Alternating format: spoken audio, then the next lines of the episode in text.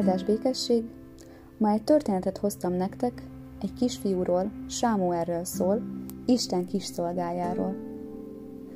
Élt egy asszony, Annának hívták. Anna jó asszony volt. Elkána felesége, aki maga is tele volt jósággal. Mindketten imádták Istent, és jó indulatúak voltak másokkal szemben is. De valami mégis hiányzott Anna életéből. Szerette volna, ha lett volna egy fia, Hó, mennyire szerette volna. Várt és imádkozott, még mindig reménykedett benne, hogy születhet gyermeke, de a baba csak nem akart jönni. Minden évben Anna eljött az Isten házába, a templomba, hogy imádkozzon.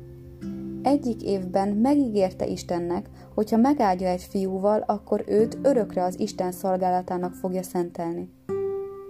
Éli, az öreg pap, látta, amikor Anna imádkozott. Azt gondolta, hogy Anna nem józan állapotban van, mert az ajkai mozogtak, de nem jött ki hang a torkán. Éli meg is dorgálta Annát. De Anna elmondta Élinek, hogy egy gyermekért imádkozott, és milyen ígéretet tett Istennek. Menj békével, felelte neki Éli, és Izrael Istene teljesítse a te kérésedet. Éli szavai visszaadták a reményt Annának. És nem sokára nagy öröm töltötte be Anna szívét.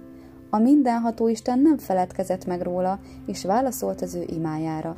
Neki és Elkánának, a férjének kisfiúk született, aki a Sámuel nevet kapta, ami azt jelenti, Isten meghallgatott. De vajon Annának is eszébe jut az Istennek tett ígérete? Vajon abba hagyja Anna az évenkénti templomba járást? Vajon megszegi az Istennek adott ígéretét? Ó, dehogy! Anna kivárta, hogy Sámuel eléggé felnőjön ahhoz, hogy a templomban éljen, és Éli pap szolgálatába álljon. Ekkor elvitte őt a templomba. Isten meghálálta Anna hűségét, és Sámuel után még három fiúval és két leányjal ajándékozta meg. Anna továbbra is eljött egy évben egyszer az Isten házába, hogy imádkozzék, és hogy odaadja Sámuelnek az új ruháját, amelyet neki vart. Sámuel nem az egyetlen segítsége volt ám Éli főpapnak, neki volt még két fia is, Hofni és Fineás, akik rossz cselekedeteikkel megszentségtelenítették Istent. De nem akartak megváltozni, akkor sem, amikor az apjuk megdorgálta őket. Élinek el kellett volna őket kergetni az Isten házából, de nem tette. Egyik éjjel egy különleges és csodálatos dolog történt. Sámuel már aludt, de éjjel egy hangra lett figyelmes, amely szólította. Azt hitte, hogy Éli főpap szólította őt, ezért oda ment hozzá, és ezt mondta neki, itt vagyok. És ezt mondta Éli, én egyáltalán nem hívtalak. Csodálkozott is rajta. Menj vissza.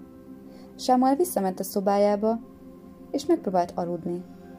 De a hang megint szólította. Ő megint odament Élihez, és mondta neki, itt vagyok hiszen én nem is hívtalak Sámuel.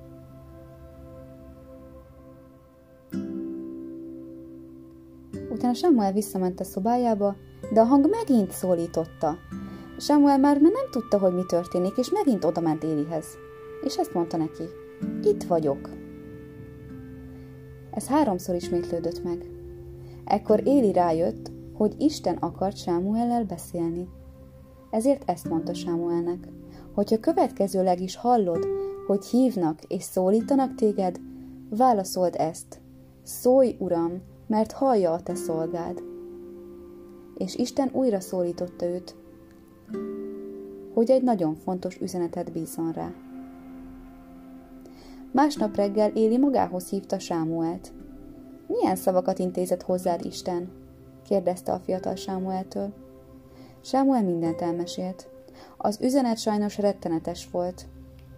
Az állt benne, hogy Éli fiait Isten meg fogja büntetni, azért, mert rosszul cselekedtek, és a Sámuelnek ezt az üzenetet át kellett, hogy adja Élinek.